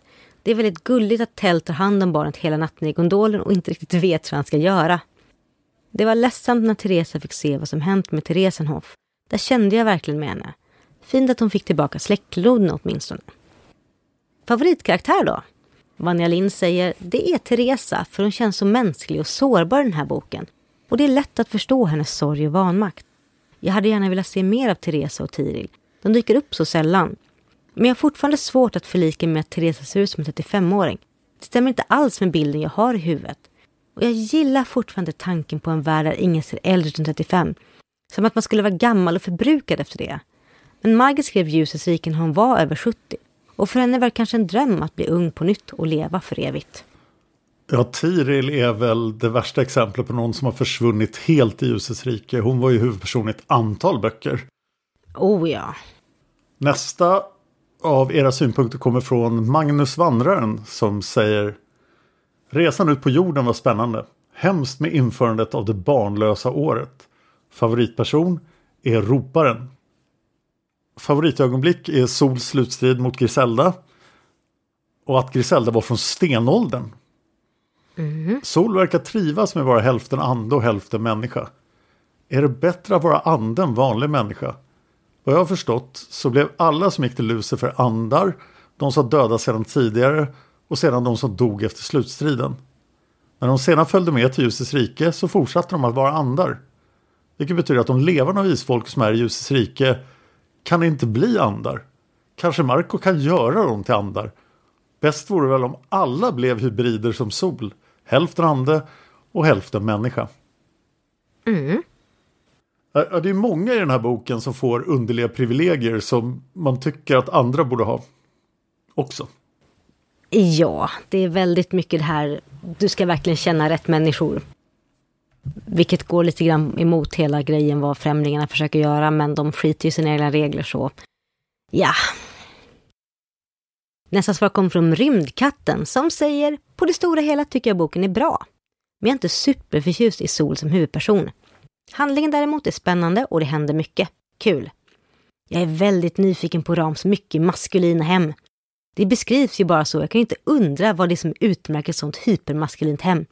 Har han stora barskåp och vapenskåp längs väggarna? Har han byggt ett utekök med grill och pizzaugn i trädgården? Är det torftigt inrett och sterilt? Har Ram en egen mancave med porrtidningar och biljardbord? Det här är ju jättespännande. Jag tror all of the above. Jag tror att han har allt det där. Men så har han också en madrass på golvet och en tv. Japp, inga sängkläder för det rockar han inte. Nej. Rymdkatten fortsätter. Griselda är tillbaks. Faktum är att jag tycker bättre om henne i den här boken. Till min egen förvåning gillade jag att läsa om hennes bakgrund och se långt, långt tillbaks fanns det något mer spännande än det svartvita Superunda hos henne innan hennes förvandling. Blir än mer imponerad av henne efter att ha läst om hur hon fått sina krafter. Hon växte som karaktär och blev mäktigare för mig, så här tycker jag hon funkar rätt bra som skurk. Måste erkänna att hon står för ett av bokens roligaste ögonblick när hon svarar ropar med ettriga svordomar. Erling har blivit gubbsjuk och förtjust i Lenora. Har han inte kunnat välja någon annan? Men okej, dålig smak är ju ingen synd. Annars tycker jag det är rätt fint att Margit tar upp temat otrohet på det här viset som också slutar med försoning. Allt är inte superspännande och passionerat hela tiden. Ibland tror man att man vill ha något annorlunda och det är helt okej. Okay. Man kan mötas i den upplevelsen också och dela den. Resan till yttervärlden är spännande. Men innan vi kommer så långt så måste vi prata jättemycket sex. För det är Dolg som får besök av Berengaria och ger henne en föreläsning om frigjord sexualitet. Visserligen tycks hon behöva den, men det är otippat att Dolg av alla är den som får fungera som expert på området. Fast å andra sidan hade ju Mori lärt sig allt om kvinnlig njutning långt innan han träffade Tiril, bara genom att lyssna på sina manliga studiekamrater. Kanske naturliga skills som gått i arv? Sen är det tjejträff hos Taran och då blir plötsligt Taran sexologen Malena Ivarsson och tjejerna hängs ut i tur och ordning och får olika rån innan Taran konstaterar med innan Taran avslutar med att konstatera att sex kan vara både rått och hårt, men aldrig utan hänsyn. Det här känns inte naturligt på något sätt i världen. Hade jag varit en ung tjej och fått föreläsningar av en kompis mamma med mina vänner när närvarande hade jag nog dött av skam. I förbifarten nämns det även att Taran dukat upp med goda bakelser som tjejerna kan äta av alldeles ohämmat eftersom man ändå inte blir tjock i ljusets rike. Vilken tur! Att bli fet är ju det allra värsta man kan råka ut för. Skönt också att slippa se antingen unga smala varelser på gatorna i ljusets rike. Här hoppas jag verkligen att mitt sarkastiska fram tonfall framgår även i text. Ja, rymdkatten, det gör det. Rymdkatten fortsätter. Som sagt, resan ut till yttervärlden är spännande och det får ett vemodigt glimmer till följd av Teresas beslut.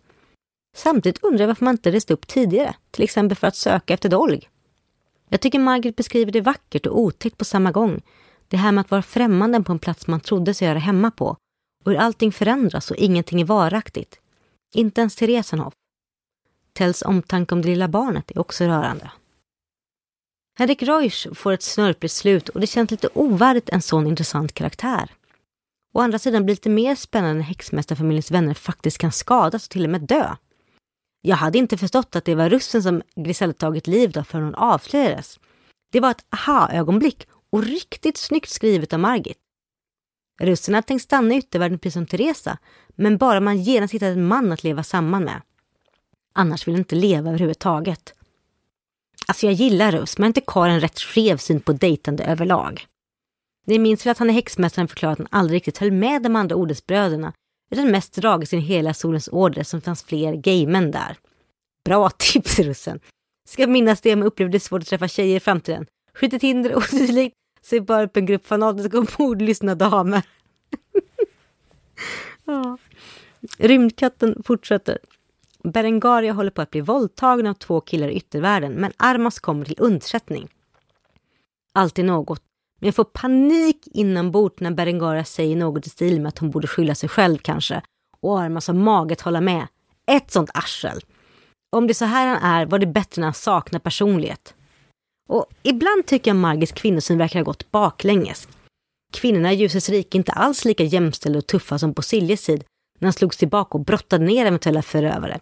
De tänker inte lika jämställt inuti. Men det kanske inte beror på Margit, utan på de otäcka främlingarna och deras livsåskådning. Favoritögonblick då? Rymdkatten säger, inser att det inte låter så, men det finns mycket i den här boken jag tycker om. Hela partiet med resan ut mot yttervärlden är fint och spännande och Griseldas bakgrundshistoria fångade mig verkligen. Tycker även delen där Ram sover ut hos Indra är väldigt vackert och ömsint skriven. Två avsnitt sticker ut extra för mig. Dels är det scenen där Berengara blir fånge på behandlingshemmet i yttervärlden. Man kan känna Teresas panik och maktlöshet. Jag gillar den här typen av drama som involverar tidsresor eller olika världar och dimensioner där någon råkar bli fast på helt fel plats. Sen är det Sols möte med roparen och framförallt en del där hon blev sårad av Griselda och ber roparen om hjälp. Det är vackert beskrivet. Jag kan se hela naturen framför mig och Sols och roparens spirande vänskap känns fin och trovärdigt. Det här är en av få gånger då Sol faktiskt är sårbar.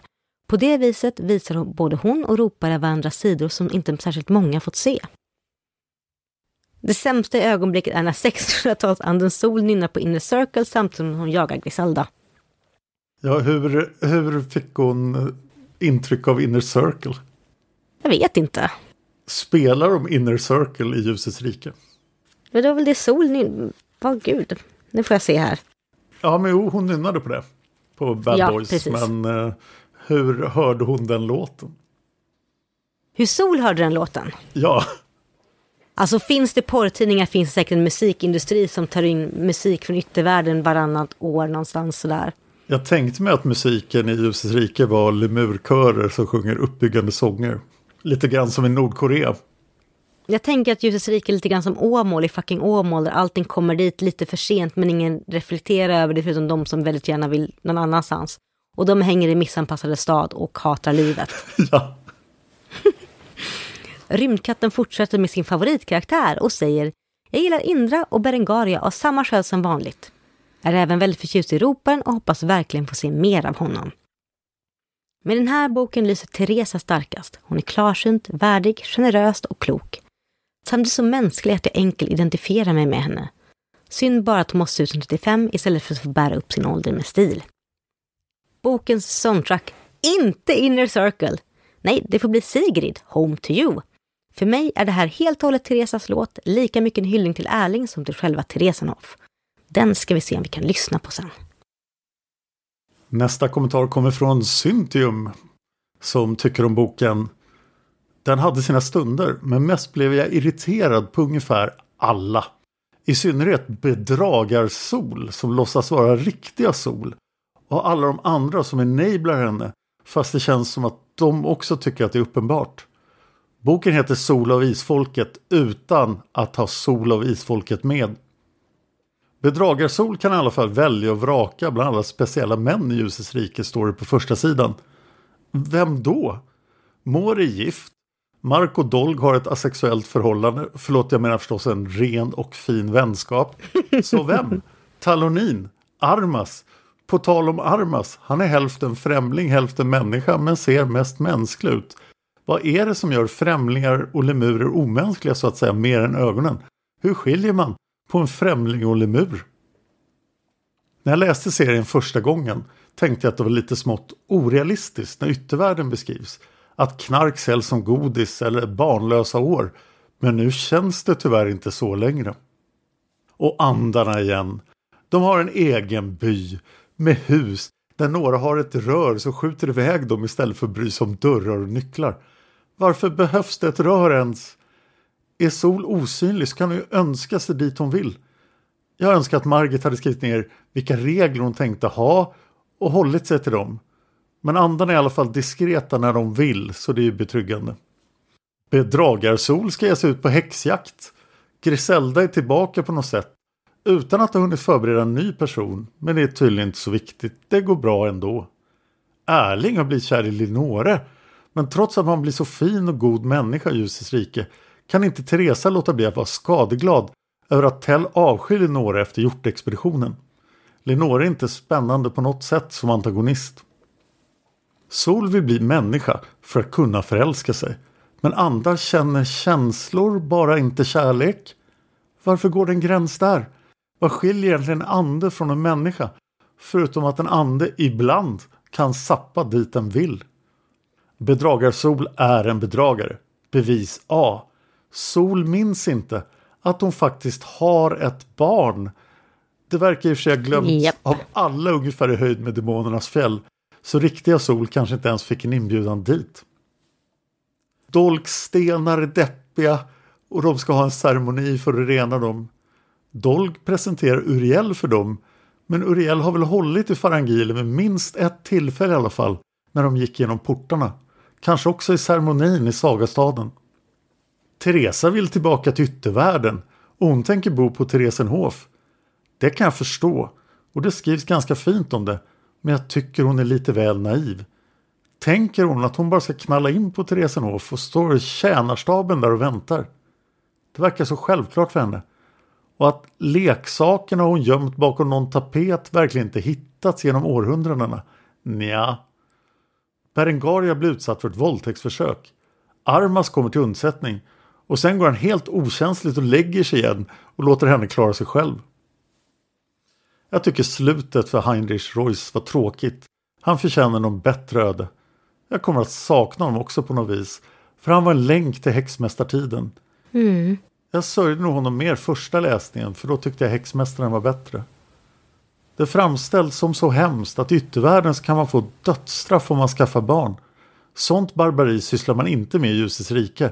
Man gör bara folk sterila rätt och slätt. Sols vanligen så spelande ögon var bekymrade. Äh, what? Jag antar vad som menas här att Sol var glad och munter och glittrande ögon eller något. Men jag ser bara hur hon tittar hit och dit och aldrig fäster blicken någonstans. När de ska hämta Griseldas påse så är Griselda själv hos Marco. Varför uppehåller inte Marco bara henne tills de har hittat påsen? Hon kan ju inte göra honom något. I och för sig, Griselda levlar i rekordfart. Hon blir bara starkare hela tiden. Nu kan hon spotta etter värdigt Tengil den onde. Hade varit lite kul att få veta vem var det var som gjorde henne så stark. Hen måste ju vara jättemäktig. Kanske någon som kan vara ett hot i framtiden. Marco och Sol gör någon ceremoni så att hon får testa att vara människa. Marco har i och för sig redan gjort henne sårbar, jättepraktiskt nu när Griselda är lös. Men Klant-Marco glömde säga det till Sol.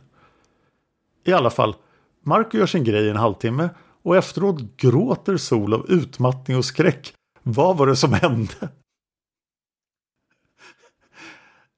Jag antar att Marco kan göra andra levande eftersom man måste ha någon unique selling point nu när främlingarna kan göra det han kan också.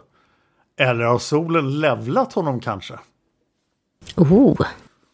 Favoritögonblick i boken. När Sol kommer tillbaka till roparen och han är överraskad över att hon håller sitt ord. Eller när Ram sover över hos Indra. Förresten, Rams hem är mycket maskulint.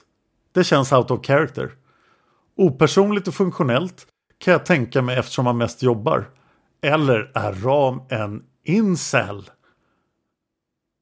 No ma'am, det är inte ens Indra som tänker det. För övrigt känns det som att de enda ställena som har lite personlighet är de missanpassade stad och andarnas by. Allt annat är samma stil på i mitt huvud. Favoritkaraktären? Farangilen. Gillar att den fick hjälpa till att visa var påsen fanns för att Safiren var för mesig. Faktiskt ja, det är lite kul. Safiren bara, åh nej, det är inte jag som vill detta. Och Farangilen bara, move aside. Jag har levt för det här ögonblicket. Där är mitt ögonblick att skina. Bokstavligt talat. Tillägg. Jag kan inte släppa Sol så går det nynna Bad Boys-låten. Den låten kom 1987 och då befann sig Sol i Svarta salarna. Så fascinerande att tänka att de lyssnar på modern musik där. Men för att ta just Inner Circle. Tamlin kanske mimade till deras Sweat lång till Vanja som förspel. Saga och Lucifer dansar tryckare till My Heart Will Go On. Har de någon slags Spotify där eller hur får de in musik? Och sen kommer en scen här som eh, Syntium har skrivit. Oh. Ja, och det är då två svartänglar. Svartängel 1 säger Jag är tillbaka. Svartängel 2 Så bra, vad händer hos isfolket? Svartängel 1 Va? Jo, det är lugnt. Nathaniel och Ellen har hittat varandra och Tove håller på att utforska tidigare liv. Good for her. Men nu har det hänt. Det som vår Herre, frälsare och mästare Lucifer förutspådde för ett millennium sen. Svartängel 2s ögon blir stora som tefat.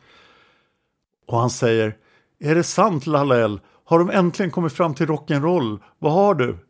Svartängel 1 tar fram en vinylskiva. Det här är Elvis Presley. Jag tror han lade märke till mig. För nästa gång jag såg honom hade han färgat sitt hår korpsvart, precis som vårt. Svartängel 1 plockar fram en skivspelare från någon obestämd plats under vingarna. Och säger Jag plockade upp den här också. Denna behöver inte veva. Svartängel 2 säger Åh vad bra. Svartängel 1 lägger skivan på spelaren. Och de två svartänglarna lyssnar storögt på That's alright mamma.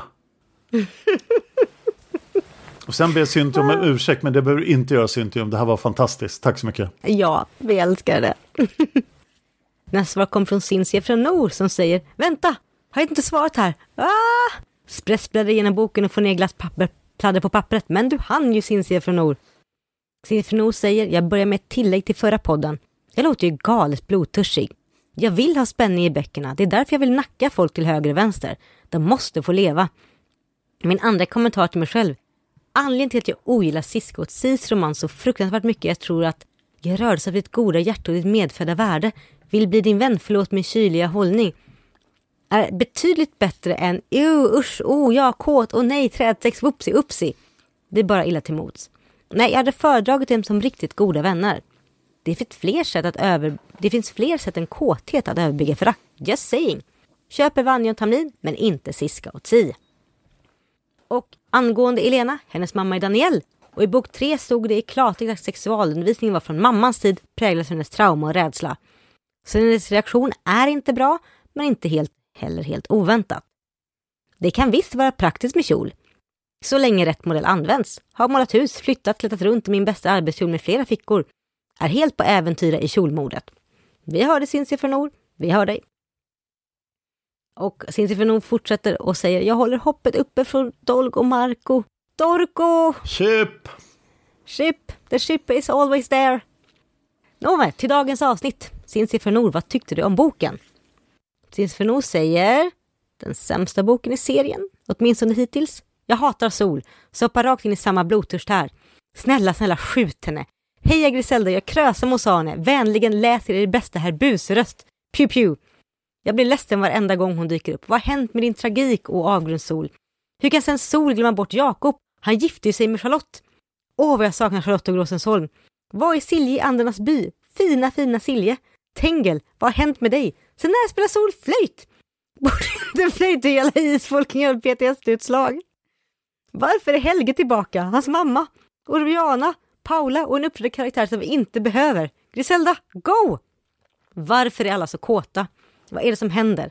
Kontroversiellt kanske, men jag är så fruktansvärt trött på att alla är kåta som 15-åringar eller inte för sådan. Varför finns inga mellanting? Tror min egen svalare läggning kommer fram. Men jag gillar undantaget Berengaria som svärmar och är omsvärmad utan att verka vilja ligga med alla. Samtidigt som hon kämpar mellan föräldrarnas 1700-talsmoral och sina känslor. Det är verkligen inte svartvitt i hennes värld. Och sen händer massor trams. Varför dödade de stackars Heinrich? Det är jag verkligen inte okej okay med. Är den bästa representationen verkligen fursten och prinsen? Ni vet som Dolg har en kort crush på innan han träffar hans riktiga sagoprins. Hint, hint, hint, hint. Japp, the ship is there. Problemen mellan Erling och Teresa? Jag tycker egentligen om plotten och varför att de väljer att kämpa för att hitta tillbaka till varandra. Samtidigt känns det fel att det är just dem. Särskilt eftersom Erlings första fru var som den var. Hade inte kunnat hända något av de andra vuxna paren. Rafael och Amalie. Leonard och Daniel. Eller som ursäkt att få tillbaka allas vår Marietta. Jag gillar att se mer av den riktiga världen, men det är också ännu sträckligt härligt över främlingslögner. Kan hon snälla sätta Siska i terapi, stackarn behöver det. Armas, citat, Armas quote, usch en sådan pladdrig docka. Quote, du vet att det går att vara lekfull och ha djup samtidigt? Din förstockade tråkmåns. Gisella får gärna trolla till en liten groda och trampa på den. Och vad är egentligen huvudhandlingen i boken? Känns som Griselda glöms bort i äventyret med Berengaria och kompani. Hon är en skurk med tappad potential och sjukt obehaglig backstory. Vad är det hon gjort en deal med? Varför kunde inte hon och det fått nedkämpa Andepackat? Sen är det detta med rasrenheten. Vad ska jag säga? Margit, vad är det som hänt här? muttras det ofta av mig och er. Visserligen är jag som stort fan av Lovecraft van vid att låt oss kalla det mindre trevliga beskrivningar som blicken obekvämt glider över innan den spännande historien fortsätter. Och mina, men Howard är ju betydligt mer uppgivna än, men Margit. Samtidigt har jag genuint andra förväntningar på Margit som verkar vara en genuint öppenhjärtig människa i kontrast till allt som inte är redan att New England brittiskt är farligt, Howard. Jag sätter punkt för detta stycket med att suck, suck, suck. Det känns besynnerligt. Heja Indra och Ram, gifter omedelbums och fyll riket med söta lemurmänniskor barn som förfärar Tanorin och kompani. Alltså jag glömmer nästan bort varför jag gillar Margit i denna bok. Men det finns ljussken i mörkret. Som favoritögonblicket Ram och Indra hemma hos henne. Hur han kommer och bara får vila. Det är så romantiskt, ömt och lugnt. Man med makt, TM. Ram som helt enkelt kan lägga sig i hennes metaforiska famn med orden jag är trygg hos dig. Känns både vardagligt och lite sagolikt. Påminner lite om när Tengel får sova hemma hos Silje. Hela scenen är finstämd och hur lyckliga den blir att bara få vistas i samma hus är rörande utan att det känns barnsligt. Det är så romantiskt. De har en god kemi och deras romans är trovärdig. Hade nog också blivit förälskad i Ram. Insert glada flamsiga ljud. Psst, det är typ så här jag ser Marco komma hem till Dolk. Favoritkaraktär då? Cincy Fernon säger Talonin, den bästa rasbiologen. Okej, jag skojar uppenbarligen, men jag kunde inte låta bli. Skönt att han får sparken, vem än kommer efter? Är herr högre än högsta främling för partiet verkligen mer önskvärt? Borde vi bli rädda? Lämnar Numan sitt arbete och ersätts av Heinrich? Eller har främlingarna blivit mindre skurraktiga? Nej. Favoritkaraktärerna är ju Berengaria, Indra och Ram. De sistnämnda fick ett stycke av lod och i förra frågan, nu till, över till Berengaria. För jag gillar henne mycket. Hon ser att hennes släkting mår dåligt och försöker lösa problemet. Hon får vara hyperkvinnlig och kompetent samt som det är okej att hon tar tveksamma beslut. Jag tycker om att hon är flamsig och har djup. Sätter hon sig i tanklösa dumheter försöker hon lösa dem utan att vara för dumstolt, måste lösa allting själv. Är det att jag känner igen mig så mycket i henne? Ja, Cirkus Berengaria var igång igen, även om det är tråkigt att hon fått en crush, crush på Armas och hans usla personlighet, så är det begripligt. Men min gissning är att det är en kortvarig hjältedyrkan av blå dunster innan nästa akt börjar. Jag kommer hålla ögonen på mina tre favoritkaraktärer och hoppas att de alla får ett fint äventyr ute i mörkret. Vad packar man för en picknick i de svarta bergen? Galaklänning? Champagne? Kaviar? Kanske Ram packar en diamantring till Indra? Fyrverkerier? Eller va? Var det inte en romantisk retreat? PS. Läser Westbergs Himmlers Sverige. Men de är hemskt spännande så börjar alla nazister se ut som främlingar i mitt huvud. Eller är det att alla främlingar ser nationalsocialistiska ut? Hmm, Talorin i SS-uniform skriker som Lebensram och Blut und Boden. Har främlingarna Lebensborn för främlingskvinnor? Har vi sett några sådana än? Nej, detta har gått för långt. Skyller på dig, Dan. Dan, det här är ditt fel. Åh, tack. Nej, det var inte så du skulle ta. Okej. Okay. Sinsifrenos säger PPS. Efter nyligen pratat inredning med en manlig vän som äntligen köpt sitt första par av gardiner vet jag precis hur Rams hus ser ut. Det är garanterat vitt och minimalistiskt. Säng, skrivbord och så vidare helt utan ombonad. Självfallet ett eget gym. Ser praktiskt. Min kompis har inget vapenskåp, men det har säkert ram. Alla laserpistoler, pew pew. Hoppas hans måltavla ser ut som en viss främling. Pew pew. Det är det. Tack för det, Sincere. Hi, I'm Daniel, founder of Pretty Litter. Did you know cats tend to hide symptoms of sickness and pain? I learned this the hard way after losing my cat, Gingy. So I created Pretty Litter, a health monitoring litter that helps detect early signs of illness by changing colors, saving you money and potentially your cat's life. Pretty Litter is veterinarian developed, and it's the easiest way to keep tabs on your fur baby's health right at home. Go to prettylitter.com and use code ACAST for 20% off your first order and a free cat toy. Terms and conditions apply. See site for details. It's the Kia Summer Sticker Sales Event, so give your friends something to look at, like a B&B with an ocean view, an endless field of wildflowers, or a sunset that needs no filter. Make this a summer to share and save with a capable Kia SUV or powerful sedan. See your local Kia dealer or visit kia.com to learn more.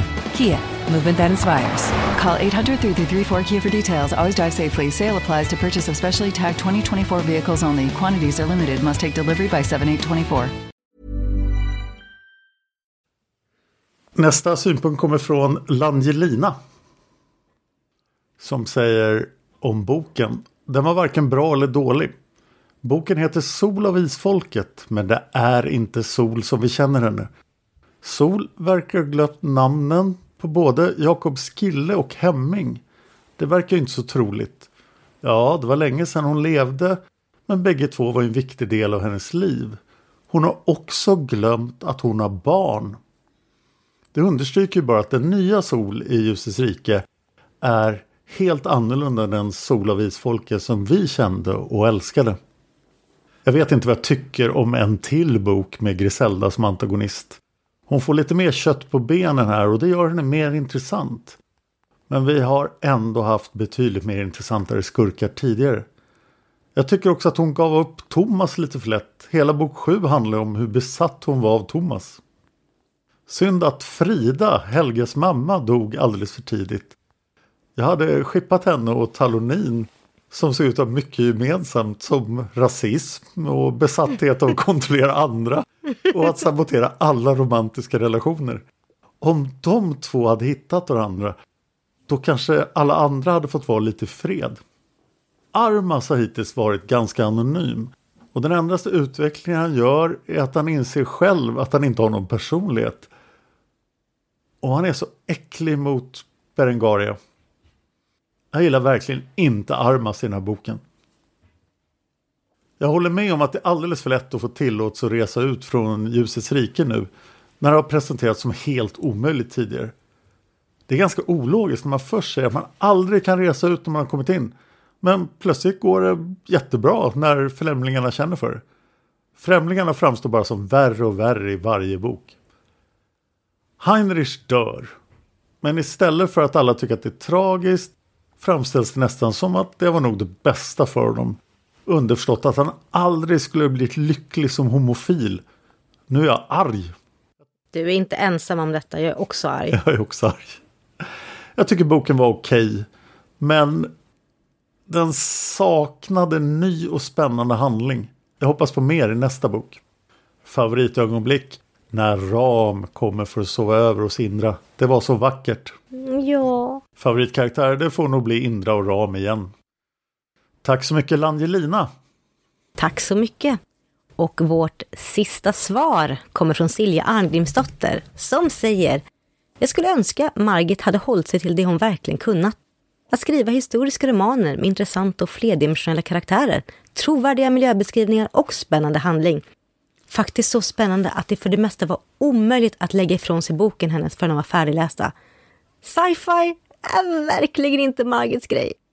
Att hon som alltid beskriver sig själv som teknisk idiot skulle skriva en framtidshistoria med alla möjliga tekniska duppeditter, me mekaniker tror jag det är, och finesser är obegripligt. Att hon i tillägg tyckte att det var en god idé att förena isfolket och häxmästarfamiljen inne i jordens inre samman med ett gäng rasbiologer, Talonin och kompani, är lite märkligt. När det är sagt så är boken spännande nog. Skulle jag bara önska att huvudpersonen hade varit som då hon levde i sagan om isfolket. Den ursprungliga Sol var magisk. Ljusets Sol är som en blekare med en modern kopia och långt ifrån lika intressant. Trist att Teresa Teresenoff inte längre existerar som det var. Och ännu tristare med Henrik Rusts förfärliga slut. Han hade förtjänat bättre. Gott att Therese och Erling finner tillbaka till varandra efter hans nästan sidosprång. Är trött på Griselda och är glad för att hon förhoppningsvis, kanske, är ute ur historien för gott. Men det var lite intressant att få veta mer om bakgrunden hennes. Och samma sak med roparen. Favoritögonblick då, Silja Arngrimsdotter? Ja, Silja Arngrimsdotter säger mitt absoluta favoritögonblick är faktiskt Sols lilla samtal med Tengel på slutet av boken.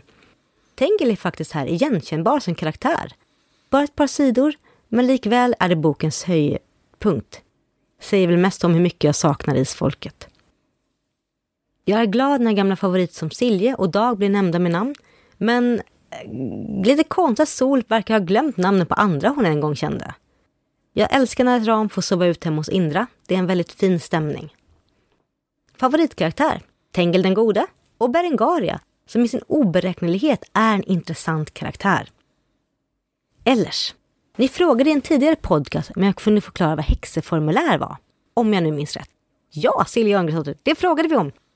Och Silja Örngren säger Ifrån en norsk ordbok är formulär ett fastformulerat mönster för ordläggning samma som formel. Så svensk häxformel är detsamma som norsk häxformulär. Ja, men det, det, det är ju helt rimligt, eller vad säger du Dan? Ja, i min bok på svenska stod det faktiskt häxformulär. Mm. Silja säger hoppas ni var uppklarat och hej hej tillbaka till er och god jul! Tusen tack Silja Angvinsdotter. Och jag kollar och det var alla svar vi hade fått. Men nu Dan, nu har vi en julklapp kvar. Har vi en julklapp? Ja, det har vi. Ja. Vi har en julklapp. Det är Cynthia från Nor som har skrivit en spontan fanfic. Som hon säger, detta är vad som hände några timmar efter dumheterna i slutet av skräcken. Skriver för alla, rakt i kommentarfältet för Sol och Isfolk-avsnittet. Men den blev så lång att flytta den hit. Det blir premiär för Isfolket fanfic. Read and enjoy! Och det här är fantastiskt. Och det är och jag är lite grann så här, Dan, ska vi... Jag vet inte om jag vill läsa, jag vill egentligen att folk ska gå in och läsa den med sina egna ord. För jag vet att vi kommer, så, vi kommer bara slakta den och börja gråta i det här. Ja... Ja, det var en svår fråga faktiskt. Ja, alltså ja, åh, oj. Nej, men mm. gå in och läs den här. Ja, gå in och läs den här. För jag, jag, jag läser den nu och de, vi kommer inte kunna göra den här rättvisa. Det här, det här är allt vi önskar, kära lyssnare, av The Ship That Sail. Det här är allt vi vill ha. Det här är magi. Och Cinzia från Nord, du är fantastisk. Du är underbar och du är den bästa människan på hela jorden. Herregud! Tack så jättemycket. Oh. Och den heter alltså Julkaramell till podden Fanfic. Mm -hmm. Och den handlar så... om vårt favoritchip. Marco Dolg! Det är jättefint. In och läs. Åh, oh det är fint. Okej. Okay. Men tack så jättemycket kära lyssnare för att ni är med oss, lämnar synpunkter, diskuterar. Vi blir så himla mycket smartare av det här, att höra vad ni tycker. Det är amazing på alla sätt och vis. Ja, det är själva poddens kärna. Ja, det är det. Och jag tänkte vi ska gå in på andra poddens kärna. Som du sa i början av podden Dan så har vi våra Patreons som snart kommer få en liten specialinbjudan till vårt event i april. Och vi vill tacka alla er som fortfarande stöttar oss på podden och har gjort det under den här perioden. Och det är Vi vill tacka Eidan Rydhammer, Kristin Vilenius, Ebba, Syntium, Syltburken, Eva Hagström, Silvia, J. Vexeus, Jenny Emilia Nikolajsen, Kaja Brändberg, Ingrun Solberg, Vega Gudleifsdotter, Emelie Bergstedt, Anne Frid, Charlie, Maria Boman, Anna Bengtsson, Kickan Ahlström, Jenny Johannesson, Johanna Gustafsson, Elin Westman, Hanna Eriksson, Mona Elisabeth, Solveig Gudnadotter, Monica Nyhus, Magnus Rask, Maria Andersson, Mystika Ferry, Hanna Naversjö och Karin Källström. Tusen tack till er för att ni stöttar oss. Tack så jättemycket. Jag hoppas vi får se er allihop den 23 april 2024. Det hoppas jag också verkligen. Sen Dan, är du nyfiken på hur det ser till på oss på, på poddsidan? Ja. Ja. Vad tror du att det är? Har vi bra eller dåliga nyheter? Har vi bra eller dåliga nyheter? Jag vet inte. Vi ligger för närvarande lite under vad vi har sagt att vi ska göra. Men ingenting kan stoppa mig från att podda om nattsvarta rosor. Jag tänkte precis säga det, vi kommer göra det oavsett för vi är nu där Dan. Det är nattsvarta rosor, det är sorg, det är dikter jag diktade dåligt om när jag var tonåring och det är så mycket misär. Jag minns ju nästa bok som den bästa boken i Ljusets rike. Jag har samma intryck. Jag är väldigt spänd och som sagt det var den här boken som fick mig att börja skriva dåliga dikter som tonåring. Som sedan blev till bra dikter så jag är väldigt spänd och pepp på den här boken. Har du kvar de här dikterna? Eh, jag kan verkligen bekräfta eller dementera detta. Jag tror jag har bränt dem. Och jag, Dåliga dikterna. Jag skulle vilja höra dina dikter i nästa avsnitt. Jag ska göra mitt bästa att se. Men jag lovar ingenting. Jag vill framföra ett till tack. Jag gör det. Tack till Eva Martinsson som eh, klippte avsnitt 78 som alltså var två timmar långt avsnitt. Det längsta avsnitt vi har gjort förutom Demonernas fjäll. Stort tack till dig Eva och förlåt för att vi eh, kanske bredde ut oss lite väl mycket i det avsnittet. Hehe. Ett till tack till Eva Martinsson för att det är hon som lånar ut Ljusets rike till mig så att jag är väldigt tacksam för det. Mm. I, I min bodelning 2017 så förlorade jag Ljusets rike. Det hamnade i den andra högen. Oh nej. Jag vill säga stort tack till Karin Källström som faktiskt har gett mig Sol av Isfolket efter att jag tappade bort mitt eget exemplar i en flytt för flera år sedan. Så tack Karin för att du har gett mig den här boken så jag kan återuppleva den igen. Vad tragiskt att du tappade bort den fysiska boken som ledde in dig på Margit Sandemo.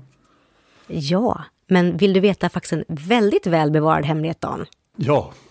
Jag har faktiskt originalmålningen på bokomslaget. Va? Japp.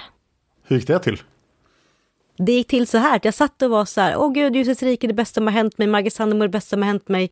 Ah, och då sitter man där och vad gör man när man är en liten angstig tonåring som gärna drömmer om saker? Jo, man skriver till, eh, man skriver till eh, bokförlaget och frågar hej, eh, finns det möjlighet att köpa något av bokomslagen? Eh, de sa ungefär, eh, vi har inte det, men här har du adressen till hon som har gjort målningarna. Så mejlade jag henne och fick köpa målningen. Hon frågade, ja vilken vill du ha? Jag bara, den här. Hon bara, absolut, då får du köpa den. Vad fick du betala? Jag betalar inte ens tusen kronor för den. Wow! Vilket fynd! Japp. Och den har du kvar Mm. hoppas jag? Den har jag kvar, det är original och det är en av mina högst mest skattade ägodelar som alltid sitter uppe på hyllan bredvid där jag har alla isfolkböckerna. Det här måste du lägga upp en bild på på Instagram. Oh ja, det ska jag göra. Ja, Men då tror jag vi var klara Dan och till nästa gång, var kan man hitta dig? ja, idag vill jag prata om en av mina gamla poddar som har kommit igång igen. Oj oj, Den fick ett avbrott på grund av personliga tragedier. Men eh, jag har ju skrivit ett antal böcker. Och för att ge dem nytt liv så har jag läst in dem i en podd som heter Dan Hörningsböcker. Och den är nu igång igen och det har förvirrat mig jättemycket under den här inspelningen. För jag spelade precis in nya avsnitt och den heter Ljusets vandrare. Och sen när jag skulle spara Isfolket-filen här så tänkte jag Ljusets rike och så såg det ut som jag var i rätt mapp. Men det var jag inte för det var Ljusets vandrarmapp. jag har postat om det här på forumet också så att eh, det finns två och en halv ljudbok tillgängliga i podden Dan Hörningsböcker. Och eh, nu finns det även möjlighet för vi har precis i mitt poddbolag startat använda Acast Plus. Så det finns möjlighet att lyssna på Bokpodden utan reklam. För 50 kronor plus moms per månad. Men det är ett test och den funktionen kommer kanske komma i Isfolkepodden också.